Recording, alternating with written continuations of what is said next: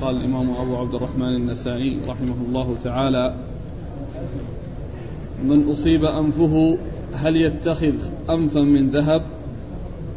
قال أخبرنا محمد بن معمر قال حدثنا حبان قال حدثنا سلم بن زرير ابن زرير. قال حدثنا عبد الرحمن بن طرفة عن جده عرفجة بن أسعد رضي الله عنه أنه أصيب أنفه يوم الكلاب في الجاهلية. فاتخذ أنفا من ورق فأنتن عليه. فأمره النبي صلى الله عليه وآله وسلم أن يتخذ أنفا من ذهب. بسم الله الرحمن الرحيم. الحمد لله رب العالمين وصلى الله وسلم وبارك على عبده ورسوله نبينا محمد وعلى آله وأصحابه أجمعين. أما بعد يقول النسائي رحمه الله من أصيب أنفه هل يتخذ أنفا من ذهب؟ أي أنه لا بأس بذلك لأنه جاء الدليل الدال على ذلك وهو حديث عرفة بن أسعد رضي الله تعالى عنه أنه أصيب أنفه في الجاهلية يوم الكلاب وكان آه وكان آه في حالة من الأحوال التي كانت في الجاهلية أن قيل أنه على ماء من من مياه العرب وأنه أصيب أنفه فاتخذ أنفا من ورق أي من فضة فأنتن فأمره الرسول صلى الله عليه وسلم أن يتخذ أنفا من ذهب وهذا هو المقصود بالترجمة. كون النبي صلى الله عليه وسلم أمره أن يتخذ أنفا من ذهب يعني بدل الأنف الذي أنتن وهو الذي من الورق. فهذا يدلنا على جواز ذلك وأن هذا من الأمور التي تسوق في حق الرجال. إذا كان هناك أمر اقتضى ذلك كالأنف من الذهب وكذلك السن أو الضرس وما إلى ذلك مما يتعلق بهذا القبيل مما يضطر إليه فإنه لا بأس به. أما إذا اتخذ للزينة فإن هذا لا يجوز لأن الزينة بالذهب إنما هي للنساء وليست للرجال.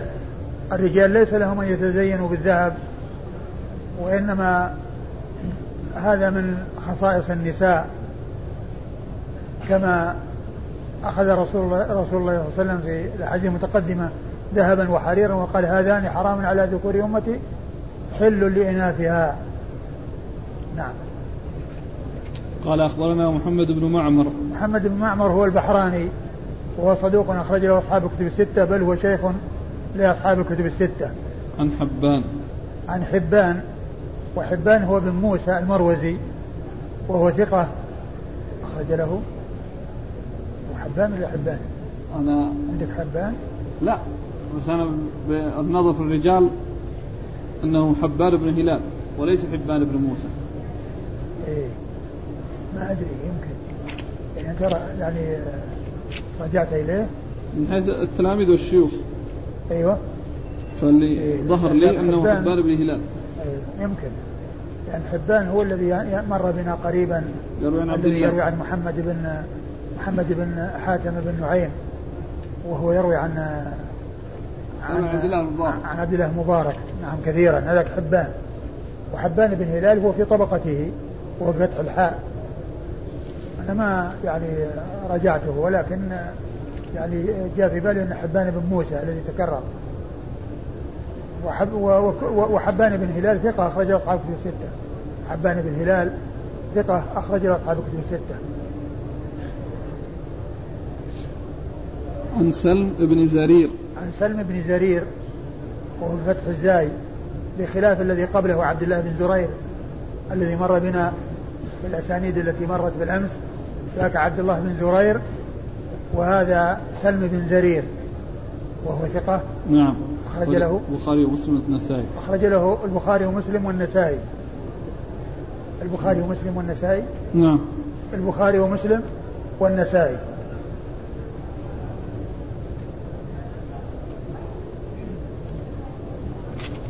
عن عبد الرحمن بن طرفة. عن عبد الرحمن بن طرفة بن عرفجة وقد وثقه أبو حاتم. وثقه العجلي. وثقه العجلي. وحديث وأخرج حديثه أبو داود, أبو داود والترمذي. والنسائي. عن جده عرفجة بن أسعد وهو صحابي أخرج حديثه أبو داود والترمذي والنسائي أيضا. بالنسبة لسلم بن زرير. إيه؟ درجته من حيث الجرح والتعديل؟ ما هو العجلي وثقة؟ لكن ما هو ما هو قلنا إنه ثقة. اي يعني على قول أبي حاتم. أو الذي وثقه أبو حاتم. نعم هو الذي وثقه أبو حاتم. اي اي نعم وقال عنه النسائي ليس بالقوي نعم. اي وثقه أبو حاتم.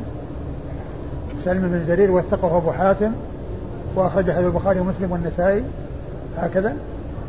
أخرج حديثه مسلم والبخاري ومسلم والنسائي. إيه البخاري ومسلم والنسائي. نعم. بالنسبة بالأمس شعيب الذي يروي نعم شعيب هو بن إسحاق. مثل ما ذكرتم شعيب بن إسحاق الذي من الطبقة من كبار الطبقة التاسعة. من كبار الطبقة التاسعة. وحديثه أخرجه أصحاب الكتب إلا إلا الترمذي. نعم أصحاب الكتب الستة إلا الترمذي. ليس شعيب بن أبي حمزة وإنما هو شعيب بن إسحاق. نعم.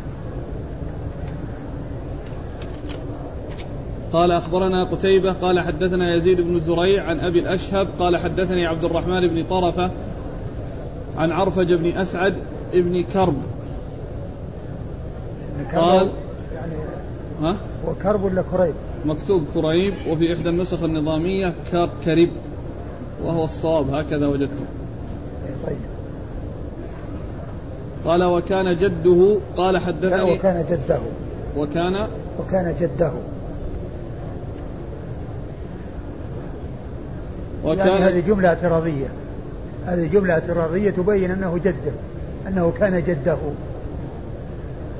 قال قال هو.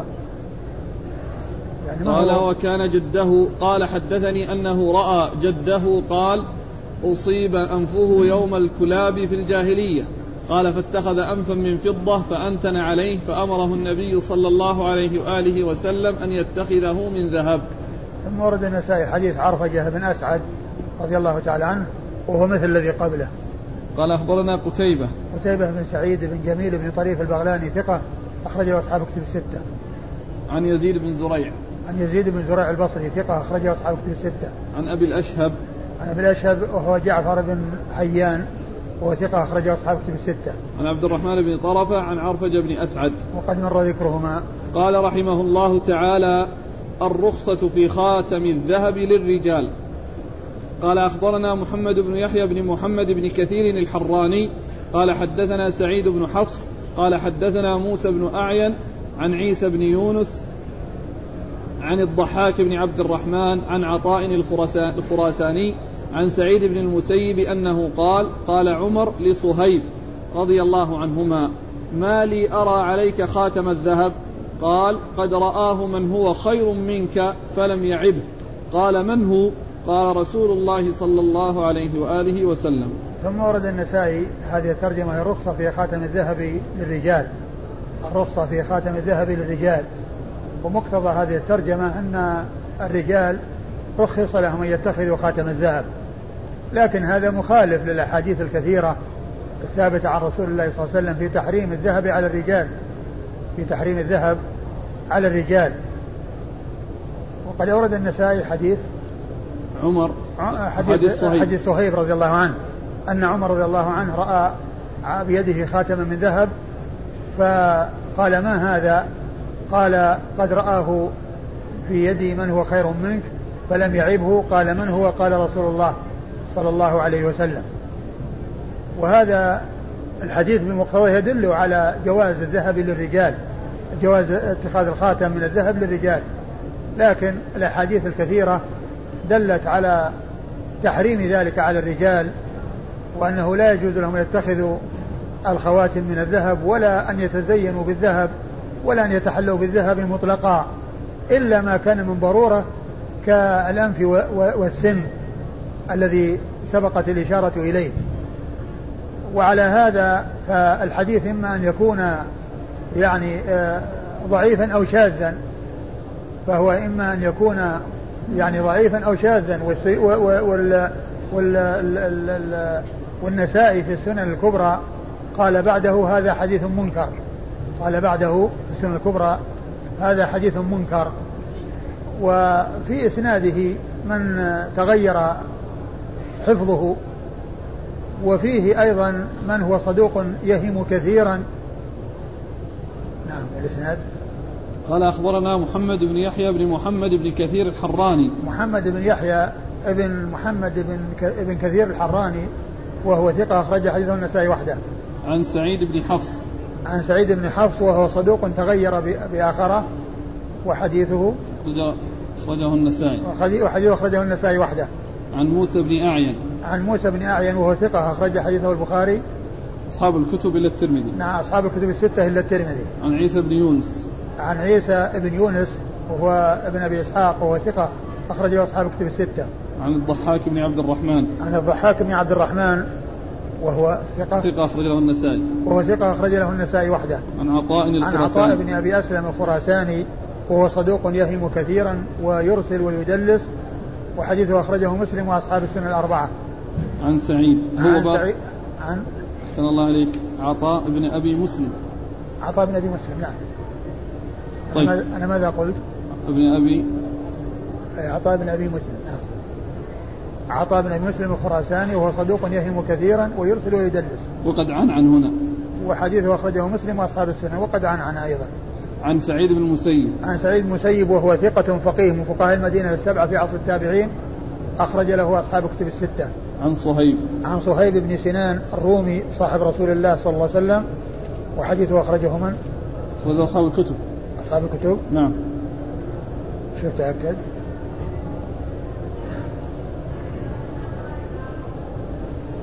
صهيب بن سنان أبو يحيى الرومي أصله من النمر. أخرج أصحاب الكتب؟ نعم. أخرج حديث أصحاب الكتب الستة. نعم. وعلى هذا فلا يجوز اتخاذ خان... اتخاذ خاتم الذهب مطلقا.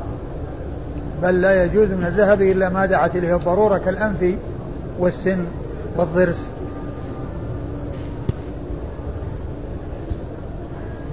قال رحمه الله تعالى خاتم الذهب. قال أخبرنا علي بن حجر عن إسماعيل عن عبد الله بن دينار عن ابن عمر رضي الله عنهما أنه قال اتخذ رسول الله صلى الله عليه وآله وسلم خاتم الذهب فلبسه رسول الله صلى الله عليه وآله وسلم فاتخذ الناس خواتيم الذهب. فقال رسول الله صلى الله عليه وآله وسلم إني كنت ألبس هذا الخاتم وإني لن ألبسه أبدا. فنبذه فنبذ الناس خواتيمهم. ثم ورد النسائي آه هذه الترجمة وهي خاتم الذهب. يعني حكم التحلي به بالنسبة للرجال وهو أنه لا يجوز وكان قبل ذلك سائغا ولكنه نسخ. وقد اتخذ النبي صلى الله عليه وسلم خاتما من ذهب فاتبعه أصحابه رضي الله عنهم وأرضاهم فاتخذوا خواتيم من ذهب. ثم إنه قال إنني لبست هذا وإنني لا ألبسه أبدا فنبذه.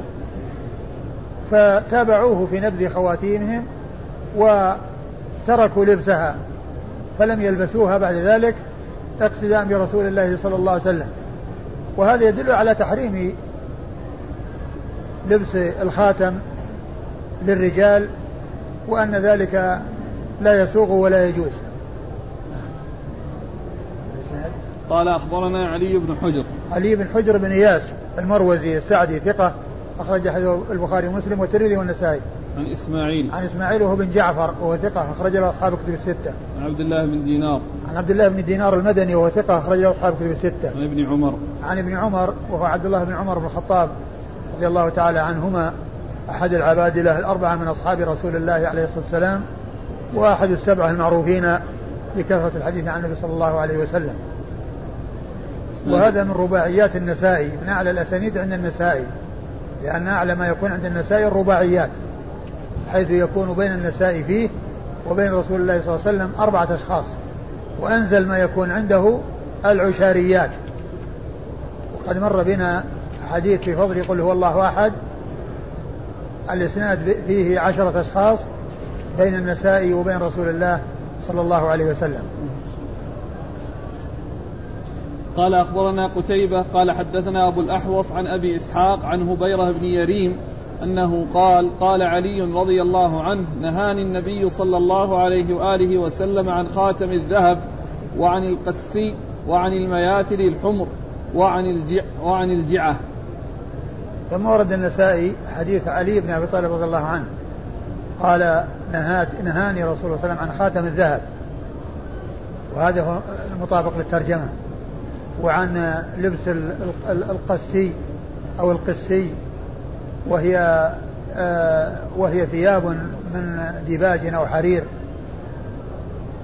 وعن المياثر الحمر. وعن المياثر الحمر والمياثر جمع ميثرة وهي ما يتخذ وطاء على البعير أو الفرس ويكون محشوا وقيل إنه من الحرير و أو من الديباج. وقيل إنه غير ذلك وأنه من لباس وأنه من من من من فعل الأعاجم وفعل الكفار وأن وأنه فعل المستكبرين. فإن كان من من الحرير فالأمر فيه واضح وسواء يكون أحمر أو غير أحمر. سواء حتى لو حتى لو كان غير أحمر فإنه لا يجوز. لأن استعمال الحرير للرجال لا يجوز مطلقا لا أحمر ولا غير أحمر. وإذا كان المقصود التشبه بالأعاجم أو أن يعني أنه إذا كان غير حرير فإن السبب في ذلك هو التشبه بالأعاجم.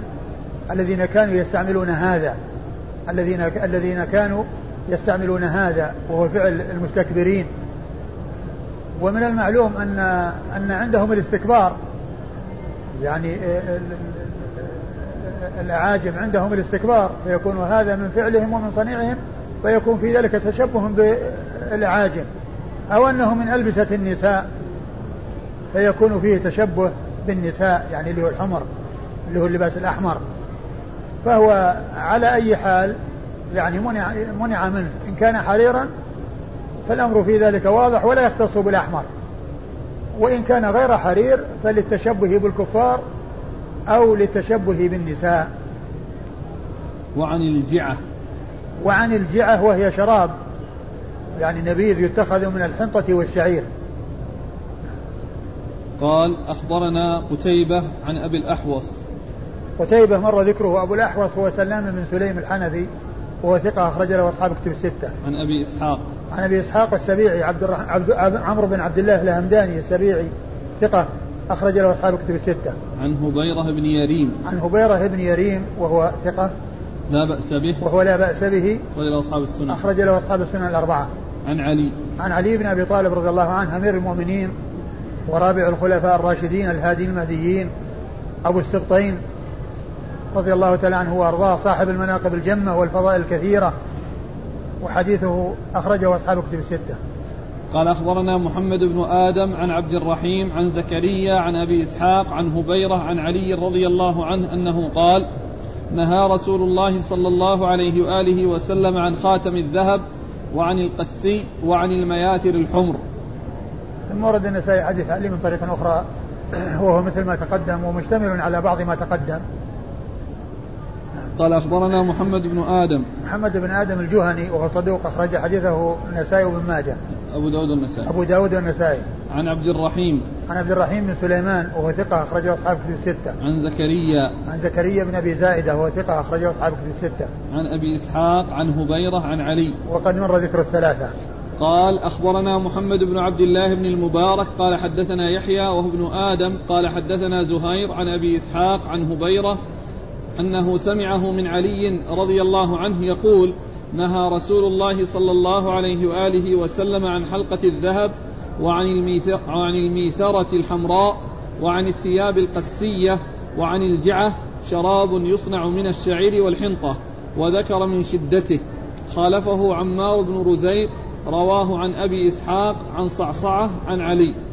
ثم ورد النسائي حديث علي رضي الله عنه من طريق أخرى وهو مثل ما تقدم وفيه ذكر بدل خاتم الذهب حلقة الذهب والمقصود بها الخاتم. وكذلك فيه تفسير الجعة وأنها شراب يتخذ من الحنطة والشعير وذكر من شدته يعني أنه آه، شديد آه، يعني في, إسكاره. المقصود بهذا إشارة إلى إسكاره. يقول إذا اشتد وغلى, وغلى وقذف بالزبد يعني المقصود بالشدة هنا يعني كون شدة إسكاره. نعم. قال أخبرنا محمد بن عبد الله بن المبارك. محمد بن عبد الله المبارك ثقة أخرج حديثه البخاري وأبو داود والنسائي. عن يحيى وهو ابن آدم. عن يحيى وهو ابن آدم وهو ثقة أخرجه أصحاب كتب الستة. عن زهير. عن زهير بن معاوية وهو ثقة أخرجه أصحاب كتب الستة. عن أبي إسحاق عن هبيرة عن علي. وقد مر ذكرهم جميعا. أحسن الله إليك. قلتم في علي رضي الله عنه أبي السبطين. فيسأل ما هو السبط من هو السبطين الحسن والحسين لأن السبط هو ابن البنت. الأسباط هم أبناء الأبناء أبناء البنات والأحفاد أولاد البنين. فالحسن والحسين هما السبطان. سبط رسول الله يعني ابن بنته. فالسبط هو ابن البنت والحفيد ابن الابن. قال في آخره خالفه عمار بن رزيق عن أبي إسحاق رواه عن أبي إسحاق عن صعصاع عن علي. وهذا ذكره في الإسناد الذي بعده. خالف من؟ خالفه يقول خالفه عمار بن رزيق. رواه عن أبي إسحاق. وش الإسناد؟ أي خالف زهير. زهير يروي عن أبي إسحاق عن نعم، نعم. عن علي. خالف زهير. قال أخبرنا محمد بن عبد الله بن المبارك. قال حدثنا يحيى بن آدم. قال حدثنا عمار بن رزيق عن أبي إسحاق عن صعصع بن صوحان عن علي رضي الله عنه أنه قال نهاني رسول الله صلى الله عليه وآله وسلم عن حلقة الذهب والقسي والميثرة والجعة قال أبو عبد الرحمن الذي قبله أشبه بالصواب. ثم ورد النسائي حديث علي من طريق أخرى وهو مثل ما تقدم والإسناد. قال أخبرنا محمد بن عبد الله بن المبارك عن يحيى بن آدم عن عمار بن رزيق. آه، مر ذكر الأو- الأولين وعمار بن رزيق ثقة أخرج حديث أصحاب الكتب الستة إلا البخاري. لا بأس به. لا بأس به أخرج حديث أصحاب الكتب الستة إلا البخاري. عن أبي إسحاق عن صعصع بن صوحان. عن أبي إسحاق مر ذكره صعصعة بن صوحان ثقة أخرج حديثه أبو داود النسائي. أبو داود والنسائي عن علي. عن علي رضي الله عنه وقد مر ذكره. قال أخبرنا إسحاق بن إبراهيم قال أخبرنا عبيد الله بن موسى قال أخبرنا إسرائيل عن إسماعيل بن سميع عن مالك بن عمير عن صعصع بن صوحان أنه قال قلت لعلي رضي الله عنه انهنا عما نهاك عنه رسول الله صلى الله عليه وآله وسلم. قال نهاني عن الدباء والحنتم وحلقة الذهب ولبس الحرير والقسي والميثرة الحمراء. ثم ورد النسائي حديث علي رضي الله عنه من طريق أخرى وفيه آه آه، أنه قال نهاني رسول عن الدباء والحنتم والمقصود بذلك أوعية كانوا ينتبذون بها فالدبة هو القرع حيث يستخرجون اللب ويبقى الغلاف فييبس ويكون وعاء يتخذون به يعني يجعلون فيه النبيذ. وكذلك الحنتم هي جرار يعني آه، قوية ينتبذون بها.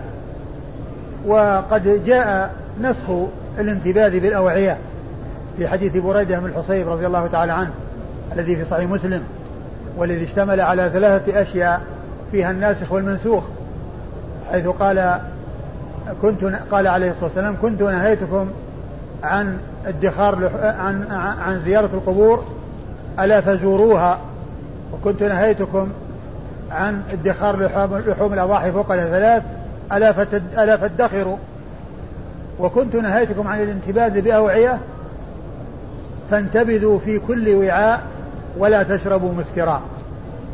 فكان هذا في أول الأمر أنه كان نهى عن الانتباذ في أوعية منها الدبة والحنتم والنقير والمزفت ولكنه جاء نسخ ذلك بأن ينتبذوا في أي وعاء لكن بشرط أن يتحققوا أنه ما وصل إلى درجة الإسكار. فإن كان وصل إلى درجة الإسكار فيجب الابتعاد عنه ويجب آه، إتلافه وعدم استعماله. الدبة والحنتم. نعم. و- وحلقة الذهب ولبس وحلقة الحرير. الذهب وهذا محل الشاهد اللي هو خاتم الذهب ولبس لبس الحريري وال- الحرير. والقسي والميثرة الحمراء. والميثرة نعم. قال أخبرنا إسحاق بن إبراهيم. إسحاق بن إبراهيم بن مخلد بن راهوية الحنظلي المروزي ثقة فقيه وصف بأنه أمير المؤمنين في الحديث وحديث أخرجه أصحاب الكتب الستة إلا من ماجه. عن عبيد الله بن موسى. عن عبيد الله بن موسى وهو الكوفي وهو ثقة أخرج له أصحاب الكتب. نعم. أصحاب الكتب الستة. عن إسرائيل. عن إسرائيل بن يونس بن أبي إسحاق وهو ثقة أخرجه أصحاب كتب الستة. عن إسماعيل بن سميع. عن إسماعيل بن سميع وهو صدوق. نعم. أخرج له مسلم وأبو داود والنسائي. مسلم وأبو داود والنسائي. عن مالك بن عمير. عن مالك بن عمير وهو مخضرم. نعم. وهو مخضرم ما ذكر شيئا عن عن حاله. أخرج حديثه أبو داود النسائي أبو داود والنسائي. عن صعصع بن صوحان عن علي. عن صعصع بن صوحان عن علي وقد مر ذكرهما. قال أخبرنا عبد الرحمن بن إبراهيم دحيم قال حدثنا مروان هو ابن معاوية قال حدثنا إسماعيل هو ابن سميع الحنفي عن مالك بن عمير قال جاء صعصعة بن صوحان إلى علي رضي الله عنه فقال إنهنا عما نهاك عنه رسول الله صلى الله عليه وآله وسلم قال نهانا رسول الله صلى الله عليه وآله وسلم عن الدباء والحنتم والنقير والجعة ونهانا عن حلقة الذهب ولبس الحرير ولبس القسي, القسي والميثرة الحمراء. ثم ورد النسائي حديث علي رضي الله عنه من طريق أخرى وهو يشوله. نهى قال صعصعة بن صوحان انهنا عما نهاك عنه. رسول الله صلى الله عليه وسلم. نعم، فقال, فقال نهانا رسول الله صلى الله عليه وسلم عن الدباء والحنتم والنقير. الدبة والحنتم مر ذكرهما في الإسناد الذي قبل هذا. والنقير هو جذوع النخل يعني سوق النخل يعني كانوا ينقرونها وينتبذون فيها. يعني وينتبذون فيها يضعون فيها الأشياء التي يريدون يعني نبذها فيها. فهذه قال له نقير لأنهم ينقرونه ينقرون ساق ساق النخل حتى يكون وعاء. أيوة. والجعة. والجعة والجعة مر ذكره. ونهانا عن حلقة الذهب ولبس الحرير ولبس القسي والميثرة الحمراء. وكل هذه مر ذكرها السند علي رضي الله عنه في حق رضي الله عنه لعله ما بلغه لعله ما بلغه الناسخ. لعله ما بلغه الناسخ. وهو حديث بريدة بن الحصيب. الذي في صحيح مسلم. يعني هذا جاء حتى عن غير علي عن ابن عباس في حديث وفد عبد القيس. بأول الأمر لأنه لما جاءوا المفسرين وقالوا يعني وكانوا يعني سألوا عن عن عن أشربة فنهاهم عن الدبة والحنتم والنقير والمزفت والمقير. فيكون على هذا يعني ما بلغه الناسخ والناسخ ثابت في حديث بريدة بن الحصيب وهو صحيح في صحيح مسلم. كنت نهيتكم أن تبذوا في في أوعية يعني معينة التي هي الدبة والحنتم والنقير والمزفت ألا فانتبذوا في كل وعاء ولا تشربوا مسكرا. المهم أن تتحققوا أنه ما بلغ إلى حد الإسكار. وكانوا نهوا عن هذه الأشياء لأنها غليظة وقاسية ولا يتبين الإسكار عليها من الخارج بخلاف القربة اللي من الجلد أو الأشياء اللينة فإنه إذا حصل الفساد من الداخل يتبين على على على ظهرها. وأما هذه غليظة ما يتبين على ظهرها شيء. فكانوا نهوا عن ذلك في أول الأمر وبعد ذلك أذن لهم بأن ينتبذوا في كل وعاء تيسيرا عليهم لكن بشرط أن يتحققوا أنه ما وصل إلى حد الإسكار قال أخبرنا عبد الرحمن بن إبراهيم دحيم. عبد الرحمن بن إبراهيم دحيم يعني ذكر باسمه ولقبه. اسمه عبد الرحمن بن إبراهيم ولقبه دحيم وهو مأخوذ من عبد الرحمن. وهذا من الألقاب التي تؤخذ من الأسماء وتنحت من الأسماء. مثل عبد الله عبدان عبد الله بن عثمان المروزي لقبه عبدان شيخ البخاري والنسائي يروي عنه بواسطة وقد مر ذكره في بعض الروايات الأسانيد. وهنا عبد الرحمن بن إبراهيم دحيم يعني ذكره باسمه ولقبه. وهو ثقة أخرج حديثه البخاري. وأبو داود والنسائي بن ماجه. البخاري وأبو داود والنسائي بن ماجه. عن مروان وهو ابن معاوية. وعن عن مروان وهو ابن معاوية الفزاري وهو ثقة أخرج له أصحاب كتب الستة وكان معروفا بتدليس الشيوخ لأن التدليس تدليسان تدليس إسناد وهو رواية الراوي عن شيخه ما لم يسمعه منه بلفظ موهم من السماع كعن أو قال. وتدليس الشيوخ وهو أن يعمي بأن يذكر شيخه بغير ما اشتهر به بغير ما اشتهر به. فهذا يسمى تدليس الشيوخ. يعني فيه تعمية وتوعير وتصعيب الأمور وكونه يعني قد يظن الشخص المعروف مجهول لأنه ذكر بغير ما اشتهر به بغير ما اشتهر به. وهذا يعني ذكروا عن معاوية عن مروان هذا أنه كان يستعمله وقد ذكروا عن الخطيب البغدادي أنه كان يستعمله أيضا. يعني يأتي بتدليس الشيوخ. يعني يذكر شيخه بغير ما اشتهر به. عن إسماعيل هو ابن سميع الحنفي عن مالك بن عمير عن صعصعة عن علي. وقد مر ذكرهم جميعا. قال أخبرنا قتيبة بن سعيد قال حدثنا عبد الواحد عن إسماعيل بن سميع عن مالك بن عمير أنه قال قال صعصعة بن صوحان لعلي رضي الله عنه. يا أمير المؤمنين انهنا عما نهاك عنه رسول الله صلى الله عليه وآله وسلم. قال نهانا رسول الله صلى الله عليه وآله وسلم عن الدباء والحنتم والجعة وعن حلق الذهب ولبس الحرير وعن الميثرة الحمراء. قال أبو عبد الرحمن حديث مروان وعبد الواحد أولى بالصواب من حديث إسرائيل. ثم ورد النسائي حديث علي من طريق أخرى وفيه بيان أنه كان سأله في خلافته في زمن خلافته لأنه قال يا أمير المؤمنين. هذا يدل على أن هذا السؤال أنه كان في زمن متأخر وأنه كان في زمن خلافته لأنه خاطبه بلفظ الإمارة قال يا أمير المؤمنين و وكونه ذكر النهي عن الدبة والنقي والحنتم يعني يدل على أنه ما بلغه الناسخ. وكان ذلك في آخر حياته رضي الله عنه وأرضاه يعني عندما أجاب بهذا. نهى عن الدبة و والحنتم والجعة وحلق الذهب ولبس الحرير وعن الميثرة الحمراء. أيه وكل هذا مر ذكره. قال أخبرنا قتيبة بن سعيد عن عبد الواحد. عبد الواحد هو بن زياد وهو ثقة أخرج له أصحاب كتب الستة. عن إسماعيل بن سميع عن مالك بن عمير عن صعصعة عن علي. وقد مر ذكرهم جميعا. قال أخبرنا أبو داود قال حدثنا أبو والله علي. والله تعالى أعلم وصلى الله وسلم وبارك على عبده ورسوله نبينا محمد. وعلى آله وأصحابه أجمعين.